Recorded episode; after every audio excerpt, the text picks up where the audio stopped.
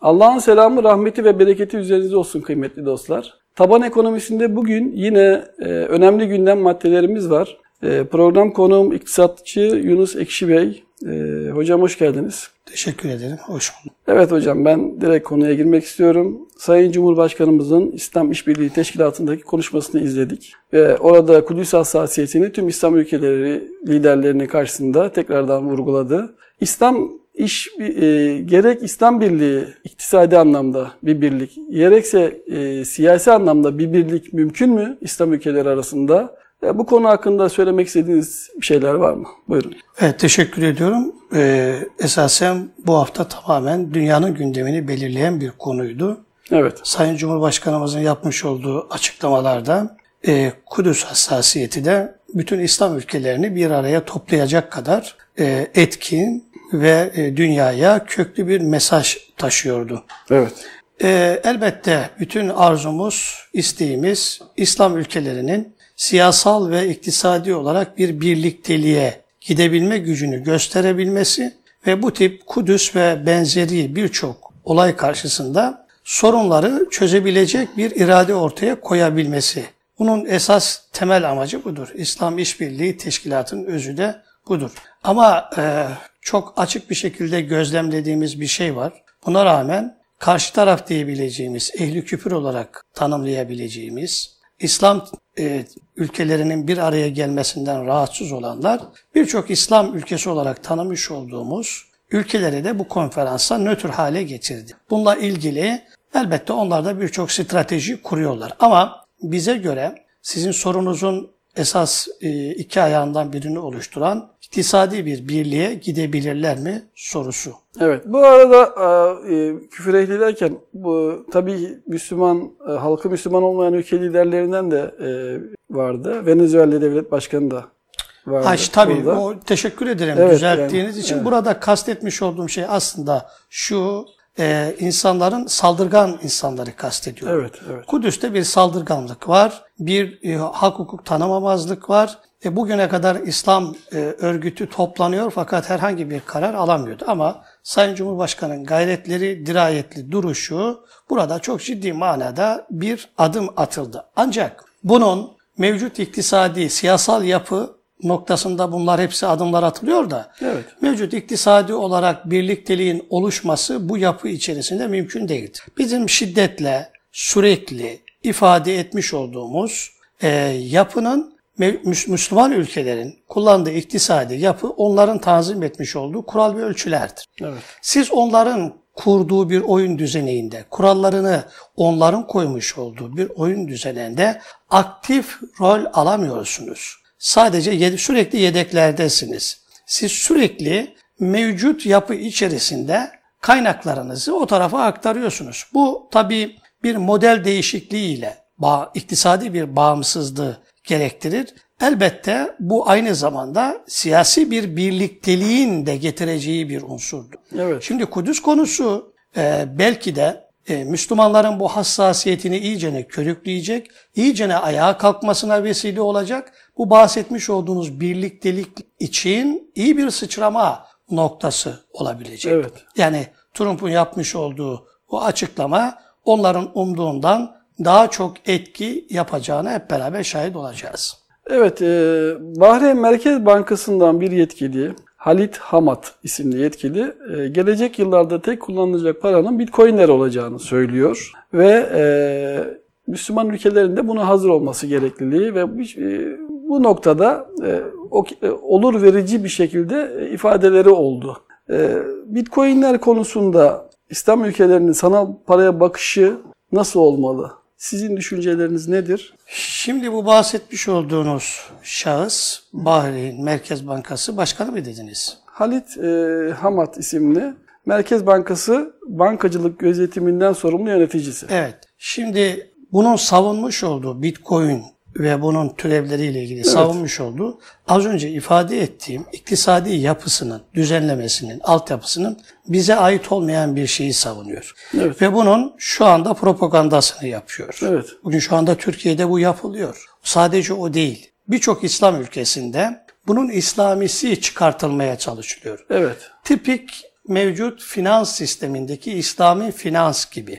Yani sizin burada e, sömüre, sömürülebilmeniz için değer ölçülerinizin tanımlamaları yani İslam tanımlanarak bu da arkasına takılarak bir zemin hazırlanır. Şimdi bununla ilgili e, biz çok net olarak görmüş olduğumuz bir şey var. Yaklaşık bundan iki- 15-20 gün önce bu konuyla ilgili birkaç yazı yazmıştık. Evet. Ve hatta burada sizinle konuya Evet, ilişkin iki de program yaptık. Ben şimdi Bitcoin'un e, şeyine girecek değilim tekrar. Anlatmış olduğumuz noktalarına girecek değilim. Buradaki strateji üzerine duracağım bugün. Burada ne yapılmak isteniyor, kimlerle yapılıyor, hedefleri nedir, hangi aşamalar takip ediliyor noktasına temas edeceğim. Özellikle İslam ülkelerinden ve e, Müslüman kimlikli e, insanlardan e, Bitcoin'e onay verir yaklaşımlar son birkaç gündür. E, buradaki Bahreyn Merkez Bankası e, görevlisi de dahil olmak üzere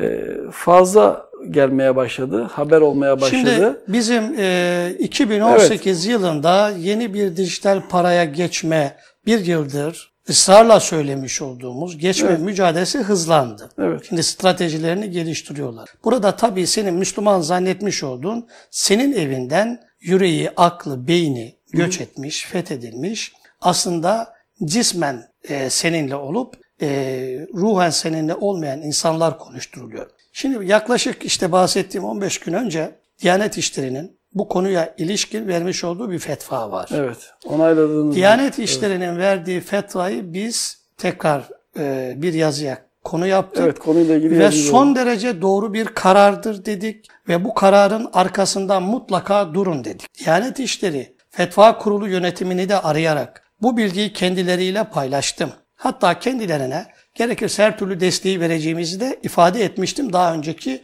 programda. Bir uyarı daha yapmıştım. Demiştim ki Şimdi ifade Bakın dedim. Siz şimdi bu fetvayı verdikten sonra İslami cenahın içerisinden tanınan, itibar edilen bir insan sizin söylemiş olduğunuzun tersi söylenecek ve sizin vermiş olduğunuz fetvadan geri adım atın istenecek. Ya yaklaşık bir ay gibi bir zaman oldu yanlış Evet, hatırlamıyorsam evet, ve evet. şimdilerde bu çıkmaya başladı. O Tabii. yüzden sordum soruyu Evet. da. Evet. Şimdi yani diyor, bu kişiler ve kişiler diyecekler ki Diyanet'e siz bunu haram demiştiniz, bunun yanlışlığını söylemiştiniz. Şimdi geri dönün. Aslında siz cahilsiniz. Siz bu konuya vakıf değilsiniz.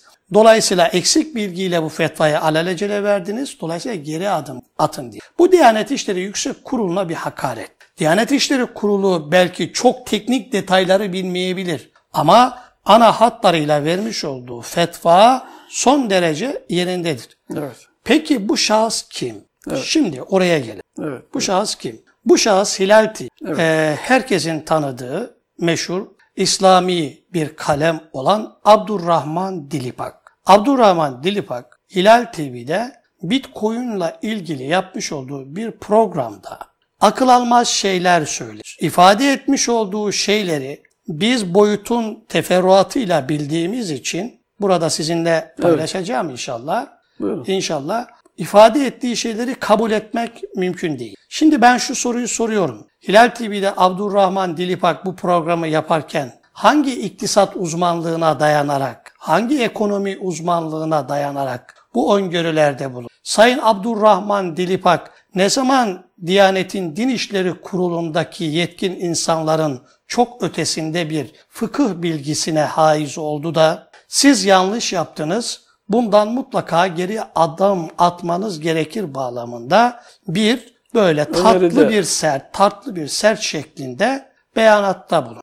Şimdi aynı televizyonda fıkıhçı olan Profesör Doktor Servet Bayındır Hilal TV'de Abdurrahman Dilipak'ın ifade ettiğinin tam tersini söylüyor. Evet. Ki görüşlerine aynen katılıyoruz. Yani Bitcoin'in operasyonel olduğunu, gerçekçi olmadığını, bunun arka tarafındaki insanların esasında sömürü düzenine hizmet ettiğini, bunun devlet tarafından bağımsız bir takım şahıslar adına kabul edilmesi, hukuki bir altyapının onların lehine oluşturulması mümkün olmayacak anlamında eleştirel yaklaşımları var. Tabii bir yandan da Sayın Abdurrahman Dilipak ve Sayın e, Servet Bayındır'ın da iştigal etmiş oldukları konulara baktığımız zaman hep iktisadi konular üzerinde de şu anda profesyonel anlamda da çalışıyorlar bir e, zihin e, e, çabası içerisindeler. Yani e, konudan e, bir haber insanlar değil. Konudan yani bir haber hassasiyetleri de yine e, tabii tabii aynı hassasiyet derece. aynı da şimdi Fakat burada farklı başka, görüş olmalı burada olması başka çok şey. enteresan. Şimdi biz olayın her yönüyle adım adım hangi aşamalara geldiğini başından beri takip etti. 10 1914'ten beri Evet. 2014'ten beri bu aşamayı aşama aşama takip ettiğimiz için süreçlerin her birini görüyoruz. Şimdi ben şu soruyu soruyorum. Sayın Dilipan e, Borsa İstanbul'a bildiğim kadarıyla danışmanlık yapıyor. Programda da zaten Hikmet e, Karadağ Evet. beyefendiye de atıfta bulunuyor. Kendilerine destek verdiğini söylüyor. Oysa kendisi oraya danışmanlık yapıyor. Şimdi İstanbul Borsa Sayın e, Abdurrahman Dilipağ'a ne danışıyor? Yani Abdurrahman Dilipağ bunları mı danıştı da Abdurrahman Dilipak İstanbul Borsa'ya gönderdi? İslami konularda belki hassasiyet gerektiren Şimdi noktalarda onlar Abdurrahman Bey olabilir. bir yazardır, güçlü bir kalemi vardır ama İslami konularda Abdurrahman Dilipak'tan çok daha ehil olan bu ülkede e, yetişki, yetişmiş insanlarımız var. Evet. Değil mi? Şimdi burada tekrar altını çiziyorum. Diyanet bu fetvayı verir vermez İslami kimlikle tanınan bir şahsiyet çıkıyor. Bunun aleyhinde konuşuyor. Peki ne söylemiş? Şimdi söylediklerine Buyurun, bir buyurun. bakalım. Peki. Söylediklerin içerisinde Sayın Dilipak diyor ki Diyanet yanlış fetva vermiştir. Diyanetin yanlış fetva verdiğini e, tespit ediyorsan sen Diyanetin kriterlerini, ölçütlerinden çok daha helal olan, doğru olan, İslam'a uygun olan şeyleri biliyorum iddiasındasın. Bunlarla ilgili sorular yönelttiği, yönelttiğiniz zaman ben inanıyorum ki bunlara cevap veremeyecektir. Yani şimdi, yani şimdi yanlış fetva vermiştir ifadesi Bu çok büyük- iddialı bir ifade. Tabii yani çünkü siz onların delillerini görmeden, delillerini bilmeden ön yargıyla çabuk alelacele karar verdiğini En ifade azından ediyor. hocam şöyle hani denenmiş bir şey olur, uygulana, uygulanmış bir şey olur. Epeyce de bir izlenebilirlik süresi olan bir e, e, enstrüman olur. Bitcoin ya da sanal paralar. Ona göre yanlıştır veya doğrudur çıkarımını yapabilirsiniz. Şimdi Sadık Bey ben burada Bu sayın seyircilerimiz şuna dikkat etsinler. buyurun. Abdurrahman Dilipak benim babamın uşağı değil. Evet. Düşmanım da değil. Ama bu süreci çok iyi takip eden biri olarak Borsa İstanbul'a danışmanlık yapmasının ilişkilendirerek konuşturulduğunu, söylediği şeyler yenilir yutulur şeyler değildir. Bakın ben normalde kolay kolay isim vermem, şahıs ismi vermem. Evet. Ama veriyorsam bir delile dayanarak bunu söylüyorum. Bunlar yenilir yutulur şeyler değildir. Şimdi Sayın Mehmet Şimşek'in ekonomik politikalarını biliyorsunuz. Evet. Çok eleştiren biriyim. Evet. Ama Sayın Mehmet Şimşek çıktı ne yaptı? Bunu balon olarak tanımladı. Doğru mu? Evet. O bir Sayın Zeybek, olarak başım. Zeybek Evet. hakeza çıktı. Balon olarak tanımladı. Doğru mu? Bitcoin konusunda uyardılar. Evet, Lale soğanı benzetmesi oldu Sayın Şimşek'in. Evet. Evet, çılgınlığı diyelim oldu. Ee, Şimdi Dolayısıyla bunlar nedir? Türkiye Cumhuriyeti Devleti'nin seçilmiş hükümetin bakanıdır değil mi? yetkili. Şimdi az sonra göreceksiniz o ifadelerde adeta şeyin üzerinden Abdurrahman'ın Dilipağ'ın eline verilmiş tutuşturulmuş bir kağıt üzerinden onlara telkinde bulun. Hatta onlara değil Cumhurbaşkanı'na telkinde bulun. Bunu bir sorun olarak görüyor. Sayın Dilipak Cumhurbaşkanı'nın bunu ancak çözebileceğini ifade ediyor. Yani neyi kastediyor? Şimdi bakın oraya geleceğim. Şimdi diyor ki Bu arada hocam sözünüzü keseceğim ama e, isterseniz Sayın Abdurrahman Dilipağ'ın bahsetmiş olduğunuz programdaki konuşmasını kısa süreliğine bir ekrana getirelim. Onun üzerine tekrardan devam edelim konumuza. olur peki. Evet. Ben aslında e, doğrudan Bitcoin senaryosuna yani o olacak. E, Onu kimsenin durdurma gücü yok ve bunun meşru olarak üretilmesi, kullanımı da mümkün. Adına para deyin demeyin beni ilgilendirmiyor. Ama bunun bir piyasası, borsası olacak. Ben bir yazılım yapıyorum. Yazılımı borsaya koyuyorum. Yazılımın üzerinde etiketi var. Bu hangi fonksiyonları içeriyor? Hangi güvenliği sağlıyor? Onu birisi benim e, istediğim parayı verirse satarım. Ve buna benzer bir sürü seriler de üretebiliyorsunuz. Dolayısıyla e, yani bir yazılım borsasından söz ediyoruz burada. E, sizin kullanma ihtiyacı hissedeceğiniz bir şey bu. gelecek dünyasını düşünürseniz, humanoidleri düşünürseniz, eğer yüz binlerce robot üretilecekse ve bu robotların sizin kontrolünüzde olmasını istiyorsanız buna ihtiyacınız olacak. Dolarda da e, bir kağıt karşılığı bu kadar para e, insanlar verip almak zorunda kalıyorlar. Yani diğer paralardaki risk bunda da var. Bu o dip ve ha bir öbür paraların hepsinin böyle müşahhas bir şey var. Bu saniyede 300 bin kilometre hızla dünya turu yapabilir. Ee, çok hızlı hareket edebilirsiniz bununla. Şu anda bunun bir uluslararası denetim mekanizması yok. İzlemesi de yok. Yani emisyon e, bildiğimiz ekonomik kurallar içinde bunu tanımlayamazsınız. Zaten sıkıntı orada. Bir takım iktisatçılar e, bunu açıklamak için ellerinde hiçbir enstrüman yok. Yasalar da bunu açıklayamıyor. Dolayısıyla kendi başına hareket eden globalistlerin işine yarayan, e, suç örgütlerinin, istihbarat örgütlerinin daha çok işine yarayan, para transferinde kullanılabilen bir para deyin ya da demeyin bir durumla karşı karşıya. Artık merkez bankaları ve hükümetlere bağlı bir olay değil. Çünkü bu şeyin kendisi bizatihi değer. Nasıl altın paranın kendisi değerse, kağıt para değer değil. O değeri garanti eden bir not. Zaten banknot diyor dediğiniz para o. Kaime, ikame edilen bir değer. Doların bir değeri mi var? Kaç sentlik?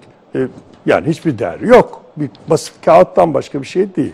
Bitcoin'in kendisi bir değer. Onu görmemiz gerek. Tekrar söylüyorum. Bu konuda benim kendi bir önerim de var. Ben diyorum ki altın karşılığı sanal para yapalım ve bu para izlenebilir olsun. Deep Web üzerinde e, kriminal e, olaylarda kullanılmasın. Kağıt parayı birisinin cebinden çıkıp öbürünün cebine girdiğini bilemiyorsunuz. Plastik parada onu biraz yakalayabilirsiniz belki ama kağıt parada izleyemiyorsun. Benim oluşturacağım para gümüş karşılığı da olabilir, altın karşılığı da olabilir. E, yani kote edilebilen pirinci ben oraya bağlayıp tutamam ama e, elması eğer e, değerlendirebiliyorsam, sertifikalandırabiliyorsam e, elmas karşılığı da bir sanal para üretebilirim. Altın karşılığı sanal para. Bunu bir an önce bizim hayata geçirmemiz gerek. Bu konuda Amerika'da ya da dünyanın başka yerlerinde bir takım çalışmalar da var. Biz bunu hem Türkiye için hem İslam dünyası için hem de e, diğer ülkelerle yani Rusya ile de konuşabiliriz. E, Diyanet'in verdiği kararın e, ben süratle düzeltilmesi gerektiğini düşünüyorum. E, yeteri e, kadar bilgi alındığından emin değilim. Gelecekte herkesin e, Bitcoin'e de ihtiyacı olacağını söylüyorum. Burada toplanan paraların tedavüle girebilmesi için karşılığında altın bloke etmeniz gerekiyor. Dolayısıyla mesela bir kilodan daha fazla altın getiren kişiye biz kuyumculara filan hemen altını borsaya kote ettiği anda rezerv olarak kayıt altına aldığı anda biz karşılığı o kadar altın karşılığı hemen sanal para üretip kendisine verebiliriz. Bizim karımız ne olacak? Bunun işletim için ayda yüzde bir, bir buçuk, iki gibi bir değer almış olacağız. Altının değer kazanmasından düşürecek bu. Çünkü siz bir organizasyon, bir işletme e, kuruyorsunuz. Dolayısıyla tedavül eden altın para olacak. E, mesela e, İstanbul borsasının içerisinde bulunan Takas Bank'ta e, ki arkadaşlar yine e, Himmet Bey'le de epey zamandır üzerinde konuştuğumuz bir konu. E, vadeli sanal para. E, çek ve senetlerinizi eğer e, bir bankada teminat mektubuyla garanti altına alıyor, alabiliyorsanız bize getirin. E, biz onu e, e, bir malmış gibi kabul edelim, kasamıza koyalım. Çünkü teminat mektubu getirdiniz ve o teminat mektubundaki tutar kadar size çek ve senediniz kadar çünkü teminat mektubu ile ilişkilendirilmiş bir çek senet biz size sanal para üretip verelim. E, bu vadisi gelene kadar üzerinde hangi TL ya da dolar ne yazıyorsa, altın yazıyorsa paranın e, ön yüzü transparan. Baktığınızda orada bir e, bitcoin, iki bitcoin ya da e, 10 gram altın yazmıyor. Onun içerisine koyduğunuz çekin rakamı yazıyor. Nedir çekiniz? 178 bin lira. 178 bin lira ya da 200 dolar. Bunun içerisine koyuyoruz, size bu parayı veriyoruz. Parayı tedavül ediyorsunuz. Herkes parasını ne zaman alacağını biliyor. Paranın vadesi geldiğinde siz parayı onun ilgili bankasına gönderiyorsunuz. Ya bankaya parayı yatırmıştır çekersiniz ya da eğer parayı yatırmamışsa banka kredisine dönüyor. Dolayısıyla e, bu o, çek ve senetlerin tedavülü konusunda da yeni bir imkan ortaya çıkmış oluyor. Bu sistemi eğer biz doğru kullanacak olursak gerçekten bu Türkiye için, İslam dünyası için, dini hassasiyetlerimiz açısından en güvenli para olacak. Evet, Evet, şimdi ifadeleri bu şekilde hocam. Evet. Buyurun. e, bu ifadelerin şimdi biraz daha üzerine konuşarak gidelim. E, burada e, tabii kısa bu alıntılar yapıldı ama Evet. videonun tamamı e, izle izlendiği zaman bunun farklı farklı boyutları da olumsuz manada var. Evet. Şimdi diyor ki Sayın Abdurrahman Dilipak, e, bu bir e, güvenlik yazılımıdır, güvenilir bir yazılımdır. Gelecekte herkes bunu kullanmakla karşı karşıya kalacak. Evet. Şimdi siz bu ifadeden ne anlıyorsunuz? Ne telkin ediyor? Şunu da söylüyor. Mecburen kullanacaksınız. Evet tabii. Gibi bir ifade kullanıyor Tabii. burada. Burada adeta bize bir gönderme yaparak bunu engellemeye Kurtuluş, çalışanlar, kurtuluşunuz yok diyor yani. tabii bunu engellemeye çalışanlar, haram ve tehlikeli bulanlar yarın bu düşüncelerinden vazgeçmek zorunda kalabilirler. Evet, evet. Haram ve tehlikeli bulanlar yarın vazgeçmek zorunda kalabilirler. O zaman da geç kalmış olacaklar onu söyleyeyim. Neyin gecini kalmış olacağız? Yani sanal olmayan bir şeyi kabul ettirmeye çalışıyorsunuz devletimize. Bunun altyapısını hukuksal olarak oluşturmaya çalışıyorsunuz. Belli zümrelerin elinde dijital kendi kafalarına göre bir şeyler üretecekler. İnsanlar da bu dijital şeyleri alması için reel paralarını ya da mallarını verecekler. Şunu ima ediyor. Yani Abdurrahman e, Dilipak. Dilipak dilini böyle kirletiyor. Dilini ve kalemini böyle kirletiyor. İnsanlara bunu telkin ediyor. Diyor ki pişman olacaksınız. Adeta bir tehakkuz haline getirmeye çalışıyor. Hocam bu arada bunun e, tabii ki topluma e, e, toplumda e, yaratacağı olumsuzlukları da kısaca değinirseniz hani dilini kirletmesi noktasında hani toplumsal felakete götüreceğinden iktisadi anlamda Şimdi bunun için Evet. tek- bir tekrar olmaması açısından Buyurun. Bitcoin 1 ve Bitcoin 2 e, programlarımızı evet. izleyicilerimiz mutlaka izlesinler. Evet. Bu konuyla ilgili Mirat Haber'de ve Yeni Söz'de yazmış olduğumuz yazıları mutlaka izlesinler. getireceği sonuçlar için söylüyorsunuz. De- evet, dehşet olumsuz sonuçlar vardır. Şu andaki yapılan güzellemeler tamamen millete büyük bir operasyon için altyapıdır. evet. En büyük tehlikedir. Bununla sonuna kadar biz mücadele edeceğiz. Çünkü milletin varlıkları yeni bir oyunla çalınmanın. Anlaşıldı. Bunu biz çok iyi biliyoruz. Yani Abdurrahman Dilipak e, Borsa İstanbul'la oluşturmuş olduğu danışmanlık hukukundan dolayı çıkıp yapmış olduğu bilmeden yapmış, bilerek ya da bilmeden yaptığı bu güzellemelere karşı bizim sessiz kalmamız mümkün değil. Evet. Zaten bilen insanlar da bu konuda sessiz kalmıyor. Şimdi bakın ee, şöyle bir tabir kullanıyor.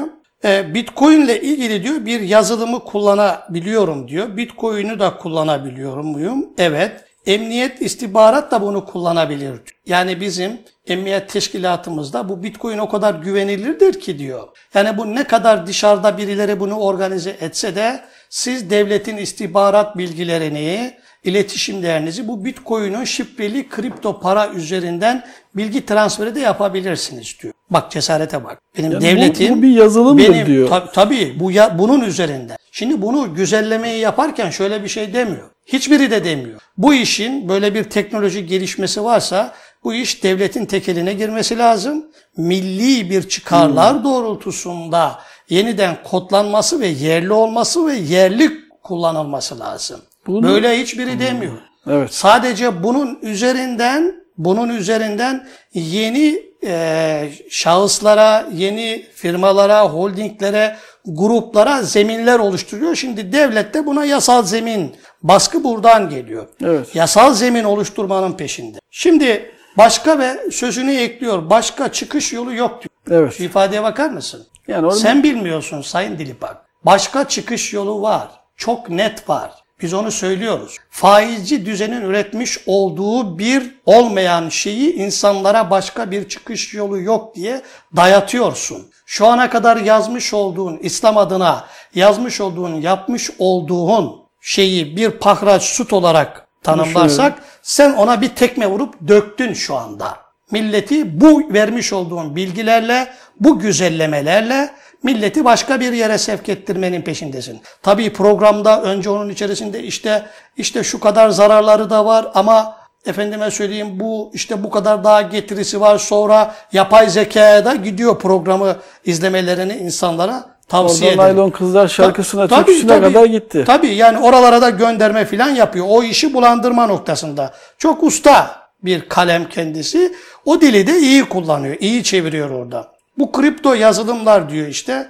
Robotlar başkalarının eline geçmemesi için bu bitcoinleri onun ensesine çakmanız gerekiyor. İnsansız hava araçları, insansız otomobiller yarın yüz binlerce bu paraya gerek duyacak. Yani şimdi varsayımla gelecekte bunlar olacak diyor. Onun için bu bitcoin'u ne yapmaya çalışıyor? Geçerli Orada- bir hale getirmeye çalışıyor. Yani bu tamamen bir kurgu. Bu kurgunun üzerinde böyle olacak diyor. E sen bunu niye devletin yapması noktasında telkinlerde bulunmuyorsun? Neden hiçbir bitcoin'i savunan Türkiye Cumhuriyeti Devleti'nin denetiminde olması gerektiğini söylemiyor? Evet. Sizin madem bu kadar yüreğiniz vardı, mevcut şu andaki kapital sistem, kullanılan para düzeneğini, faizi para düzeneğinin devletin tekeline geçmesi gerektiğini, faizin bitirilmesi noktasında söylemlerde bulunmuyordunuz. Şimdi az sonra gör- göreceksiniz burada ifade ettiği şey işler acısı. Tam bir faizcinin yapacağı şeyleri öneriyor burada kendisi. Bakın e, diyor ki Buyurun. Diyor ki eee, bu aynı zamanda veri madenciliğidir. Siz bir yerde altın ya da gümüş çıkartıyorsunuz. Bu da bilgisayar ortamında günlerce, haftalarca çalışarak bir kripto yazılım gerektiriyor. Yani siz bunu neyle kıyaslıyor? Bak Evet. Operasyon başlıyor şimdi. Ne ile? Kıyaslıyor. Altın ve gümüşle, madenle, kıymetli var olan elle tutulur insanların değer vermiş olduğu azlıkla insanların değerinden kaynaklanan ortak bir paydayı bilgisayar ortamındaki dijital bir yazılımla kıyaslıyor. Bu da diyor bunun gibidir diyor. Böyle bir benzerlik ilişkisinden hareket ediyor. Bunu oğlunuz da yapabilir. Bu bizzati kendisi bir değerdir diyor. Ya bunu kim üretti? Evet. Bunu kim üretti? Kim? Neyin değeridir ya? Sen aklımızla dalga mı geçiyorsun? Kal- Olmayan bir şeyi yazacaksın, bir program yapacaksın. Yapmış olduğun programı, dijital şeyi insanlara diyeceksin ki mallarınızı ve paralarınızı verin size ben kripto vereyim. Olanı bana ver, sana olmayan şeyi vereyim. Niye vereyim sana ya? Bu arada mega bir yandan da hocam mega işlemciler üretildiğini düşünürsek yani zaman içerisinde bu teknolojide ilerliyor biliyorsunuz. Şimdi bunu Türkiye'de yetersiz olduğunu da ifade ediyor. E yetersizse bana diyorsun ki resmen dışarıdaki bu işi organize edenlere bağımlı hale gel. Çok hızlı işlemciler üretildiği zaman teknolojiyle beraber o zaman Bitcoin üretimi o kadar zor olmayacak ki. Bir de o var hocam. Şimdi bizim taban ekonomisi bunların her birine cevap veriyor. Silliği tokatı vuruyor bunlara. İnşallah bu milleti kurtaracak olan model İnşallah de taban ekonomisi modelidir. Bu tip abuk sabuk, uyduruk, kaydırık olmayan şeyi bak satıyor şu anda. Bak çıkmış İslam'ın kalemi diye İslam adına sürekli yazan bir adam çıktı. Ayakta bunu anlatıyor şu anda. Arkasından Millete- da naylon kızlar Millete faizciliği anlatıyor. Abdurrahman Dilipak dilini kirletmiştir. Millete faizciliği anlatıyor. Bakın şimdi. Diyor ki, bakın ne diyor şurada. Benim önerim altın karşılığı sanal para yapalım. Altın karşılığı sanal para yapalım. diyor. Şimdi bu altın konusuyla ilgili ta Amerika'dan bir aklı evvel çıkıp Sayın Cumhurbaşkanına paranızı da altına endeksleyin dedi mi? dedi. Şimdi e, Dilipak ne diyor burada? Önerisi neymiş Dilipak'ın? Sanal bir şey yapacağım, altına endeksleyeceğim. Bak senin hedef senin altınlarındır. Gaye senin altınlarındır. Ne demiştik? Diyanet bunların karşısına durdu ve güçlü bir duruş sergiledi. Şimdi Abdurrahman, Dilipak gibileri de çoğalacak. Yani bu bu tarafı çökertmeye çalışıyorlar. Sonradan şunu söylüyor. Efendim e, para izlenilebilir olsun. Kağıt para birbirinin cebinden çıkıp birinin cebine girdiğinde onu izleye izleyemeyebiliyorsun. Ya niye izleyeceksin adamı ya? Lafa bakar mısın? Bir yandan Senin da savunduğun Bitcoin zaten gizlilik üzerine tahsis edilmiş. Çelişkiye bakar mısın? ya bir yandan da gizlen ya- yani kimsenin bilgisi yok, kimseye bir şey ispat edemiyorsun diye o, onun da bir taraftan Şimdi diyor ki bak burada O yönden de olumlu burada tarafını ağzından söyle. kaçırıyor. Danışmanlık yapıyor İstanbul şeyine. Evet. e, Borsa İstanbul ağzından kaçırıyor. Benim oluşturacağım para gümüş altın karşılığı olabilir. Kota edilir, sertifikalandırılabiliyorsam sanal para üretebilirim. Yani altın sertifikası gibi düşünün. Altının Evet, evet. karşılığında nasıl kağıtlar basılıyorsa şu anda dünyadaki en büyük basılmış altın sertifikaların e, türevlerinden bir tanesi. Kağıtlar bol bol kağıtlar basılıyor. Evet. Reel olanın karşısına bir sürü yalandan bir şey üretiyorsun. Abdurrahman Dilipağ'ın yapmış olduğu faizci düzeneğin şu anda önerdiği o faizci düzeneğin altın karşısında uygulanmış olduğu taktiklerden bir tanesi. Bunu diyor, bu da altın borsasında bloke edilir. Altın borsasında ne bloke edilecek? Bloke edilen ne?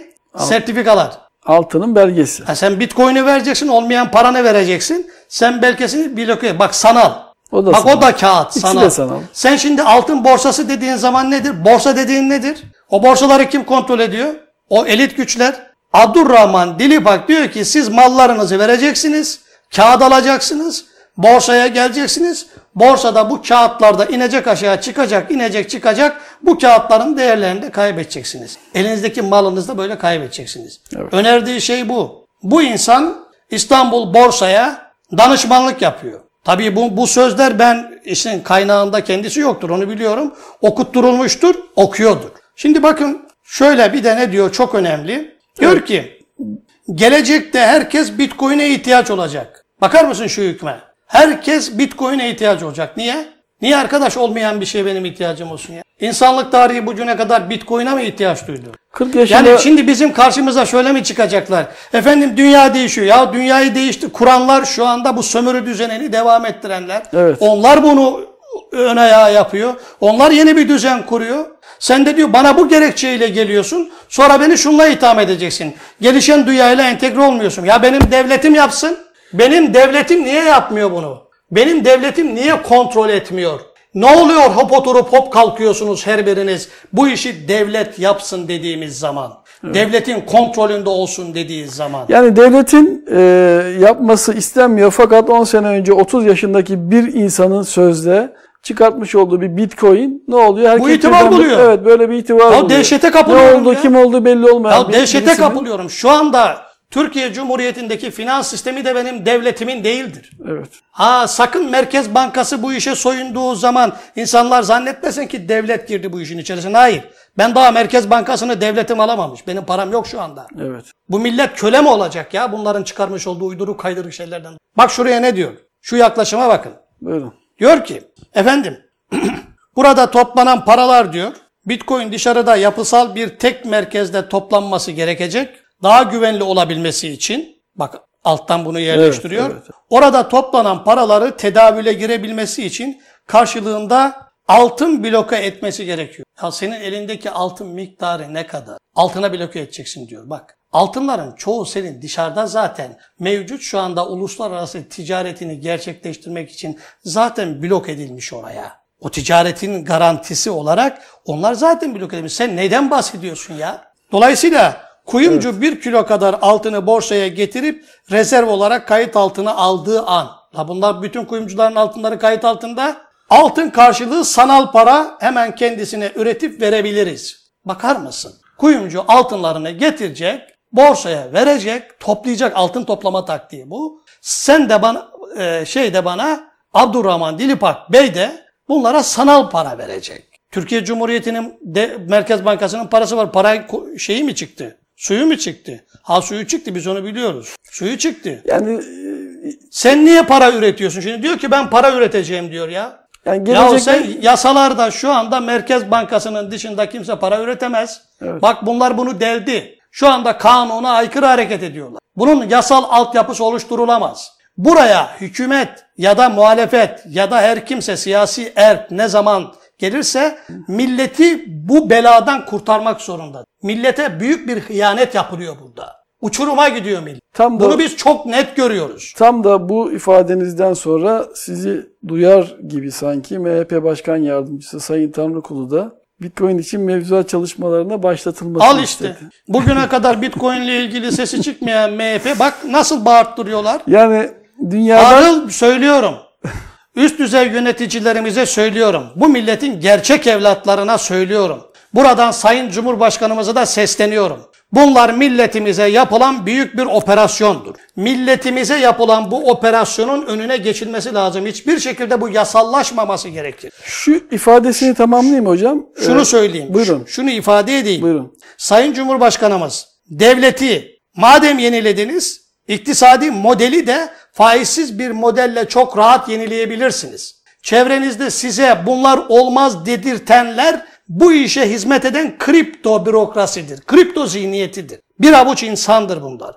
Millete bunun hiçbir yararı yoktur. Hiçbir yararı millete inmeyecektir. Evet ben tabii o soruya geçmişken hocam e, Sayın Tanrıkulu raporunda diya, e, dünyadan geri kalmamak adına Türkiye'de kripto para sistemi hakkında yasal mevduat e, mevzuat çalışmalarına başlanmalıdır Tabii bu diyor. konuşturulmuştur. Neye ne şekilde hiç hiç girmeye gerek yok. Bu bunları bekliyorum. Ben zaten yarın öbür gün başka bir yerden bağırttırılacak bunlar, söylenilecek bunlar. Onları biliyorum. Şurası önemli. Buyurun, Orayı buyurun. tamamlamak istiyorum. Çünkü Abdurrahman Dilipak'ın İslami kimlikle yaptığı büyük bir hatanın gösterilmesini istiyorum. Diyor ki, efendim Borsa İstanbul Hikmet Karadağ Bey her türlü desteği veriyor. Bakan diyor ki bu iş balondur. Borsaya atanmış Hikmet Karadağ destek veriyormuş buna. Bakan diyor ki bu iş balondur. Bakan, bakan atıyorsun. Bakandan üstün. Hikmet Bey bakandan üstün. Hikmet Bey bakandan üstün. Yani öyle bir algı çıkıyor ortaya. Bu konuyu anlatmaya çalışıyorum ama kimse üç gün sonrasını hesap etmiyor. Yani bu ülkede Sayın Abdurrahman Dilipak gibi bu konuyu bilen yok. Anlatmaya çalışıyor da ama üç gün sonrasını hesap etmiyormuşuz. Takas bankla vadeli sanal para, çek ve senetlerinizi bankaya teminat altına alabiliyorsanız bize getirin, bak bunu kendisi söylüyor, bize getirin bir mal gibi bunu kabul edelim diyor. Neyi kabul ediyor mal? Senedi, kağıtları. Evet. İşte dinen bu haram. Dinen bu haram. Sen yazılmış, taahhüt edilmiş bir borcu mal gibi kabul edemezsin. Bak sonra ne diyor? Kasamıza koyalım. E çünkü teminat mektubunu getirdiniz. Çünkü daha önce insanlar bunları teminat mektubunu almak için Evet. garanti olarak da veriyor. Kredi olarak da almak için. Teminat mektubunuza kadar, senedinize kadar size sanal para verelim. Bak kağıt yazılmış bir çek, karşılığı olmayan bir çek, Vadesi olan. vadeli diyor ki ben sana bunda sanal para vereyim. vadesi geldiğinde de Ölçüyü nasıl bozdu? Ölçüyle nasıl oynadı? Dinen bu haramdır. Hiçbir babayı çıkıp da bunun helal olduğunu söyleyemez. evet. Hiçbiri söyleyemez. Nitekim Diyanet'te, Abdurrahman Dilipak Diyanet'te helal olmadığını söyledi. ayrı bir şey. Teknik olarak ben bunu ay- ayrıca ifade ederim. Abdurrahman Dilipak dilini kirletmiştir. Tekrar ediyorum. Kalemini de kirletmiş. Kendisini buradan açık net söylüyorum. Tövbeye davet ediyorum. Tövbeye davet ediyorum kendisini. Devam ediyor. Paranın vadesi geldiğinde siz onu ilgili bankaya gönderiyorsunuz. Ya bankaya para yatırmış yatırılmıştır. Parayı yatırmamışsa banka kredisine Çok para enteresan. yatırmamışsa şimdi krediyi kim verdi? Sen de dijital para verdin. O zaman krediye döndün. Kredi nedir? Borç, Borç. Borç nedir? faiz. İşte dijital paranın faiz enstrümanları bir şekilde öneriyor böyle kullanılır. Dönüştürme süreci tabii. Bunu bu. kim öneriyor? Bunu bu milletin İslami kalem olarak bildiği, İslami yazılarla tanıdığı, İslami hassasiyetle tanıdığı Abdurrahman Dilipak. Borsa İstanbul'a danışmanlık yapan Abdurrahman Dilipak. Şimdi bunlar buraya kadar gelmişler. Operasyonu yoğunlaştırdılar. Ve sonra bakın ne diyor? Diyor ki bakın orada tabii e, Sayın Cumhurbaşkanımıza herhalde kalacak diyor. Cumhurbaşkanımız bu işi halledecek. Yani bu anlattıklarını Cumhurbaşkanımıza mesaj gönderiyor. Cumhurbaşkanımız bu anlattığı formatta Bir babayı hiç düzen, çıkmayacak. düzenleme yapacak. Bir babayı hiç çıkmayacak. Yine Cumhurbaşkanımıza kalacak. Cumhurbaşkanımız onun dediği ölçülerde düzenlemeyi yapacak. Diyor ki ondan sonra çok geç kalmamamız lazım. Hızlı hareket etmemiz lazım tarzında. Kontrol elden gider diyor. Şimdi Hareket etmezsek. izleyicilerimize sesleniyorum. Toparlıyorum. İzleyicilerimize sesleniyorum. Az önce kısa olarak izlemiş oldukları bölümü açsınlar Hilal TV'de. Abdurrahman Dilipak'ı elini vicdanına koysun. Baştan aşağıya biraz beden dil okuyan da okusun. O seçmiş olduğu cümleler, o vurgulamış olduğu şeyler kendisine ait.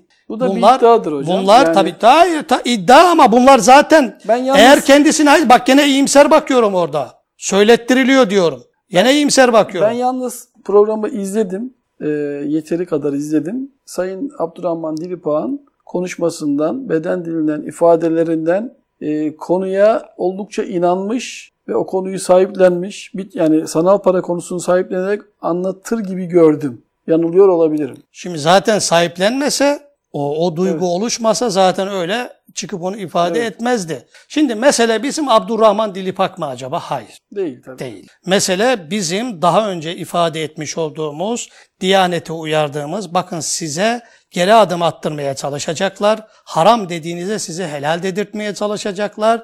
İslami cenahtan en çok bilinen insanlar tarafından bunu laçkalaştırmaya çalışacaklar. Burada geri adım atmayın. Siz haklısınız. Siz doğruyu söylüyorsunuz. Burada akıl almaz bir şekilde millete operasyon var, faiz var, kontrol edilemeyecek bir şey var. Yani bunu belli yasalar çıkarttırılarak denetim altına almaya çalışmak, onlara iyicene zemini oluşturmak demek. Evet. Bunların hiçbiri tekrar ediyorum. Paranın ölçünün devletin denetiminde, kontrolünde olmasını istemez. Devlet dediğimiz zaman Sadık Bey millet diyoruz biz. Milletin hakkını devlet korur. Abdurrahman Dilipak değil. Ya da Abdurrahman Dilipak'ın hararetle savunmuş olduğu bitcoinler, Doğru Türk- Türk koyunlar. Evet. bilmem ne koyunlar, her yerde bir sürü koyun. Bunlar değil yani. Bunlar milletin hakkını savunmaz. İnsanlarımız da bu çıkışlara aldanmasınlar. 280 milyar lira şu anda milyar dolar Bitcoin alanını, borsasını oluşturan zaten bu 5 tane Yahudi bankasıdır. Evet. Bunlar bu reklamlarla halklara yöneliyorlar. Bak içeride bir takım birilerini besliyorlar.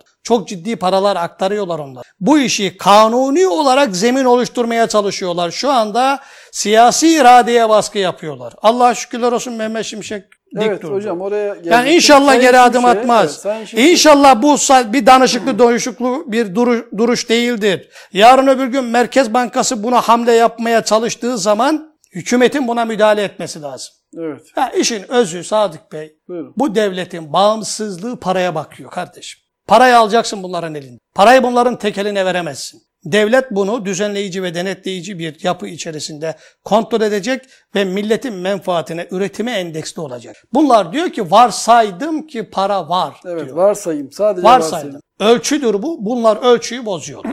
Evet. Hocam ağzınıza sağlık. Ayaklarınıza sağlık. Ee, programımızı burada sona erdireceğiz hocam. Ben izleyicilerimize bu Bitcoin'in çok konuşulduğu için e, şunu da ifade edeyim. Bakın bu sulandırılmaya çalışılıyor. Lütfen bizim önceki şeylerimizi bir izleyin. E, konuya ilişkin yazılarımızı bir takip edin. Bizim neyin üzerinde hassasiyetimizin neden bu kadar olduğunu lütfen dikkat edin. Burada devletin ve milletin bekası var. Bu öyle basit bir olay değildir. Bunu her fırsatta söylüyorum. Sizin elinizde avun, avucunuzdaki bütün mal ve değerleri bu varsayımlar çok daha rahat bir şekilde elde edebilecek. Onun için burada milletimizin uyanık olmasını temenni ediyorum. Evet. Evet kıymetli dostlar programımızın sonuna geldik. Ölçünün korunması çok önemlidir. Ölçüyü, boz, ölçüyü bozacak işlerden uzak durmalıyız diyerek programımızı bitiriyoruz.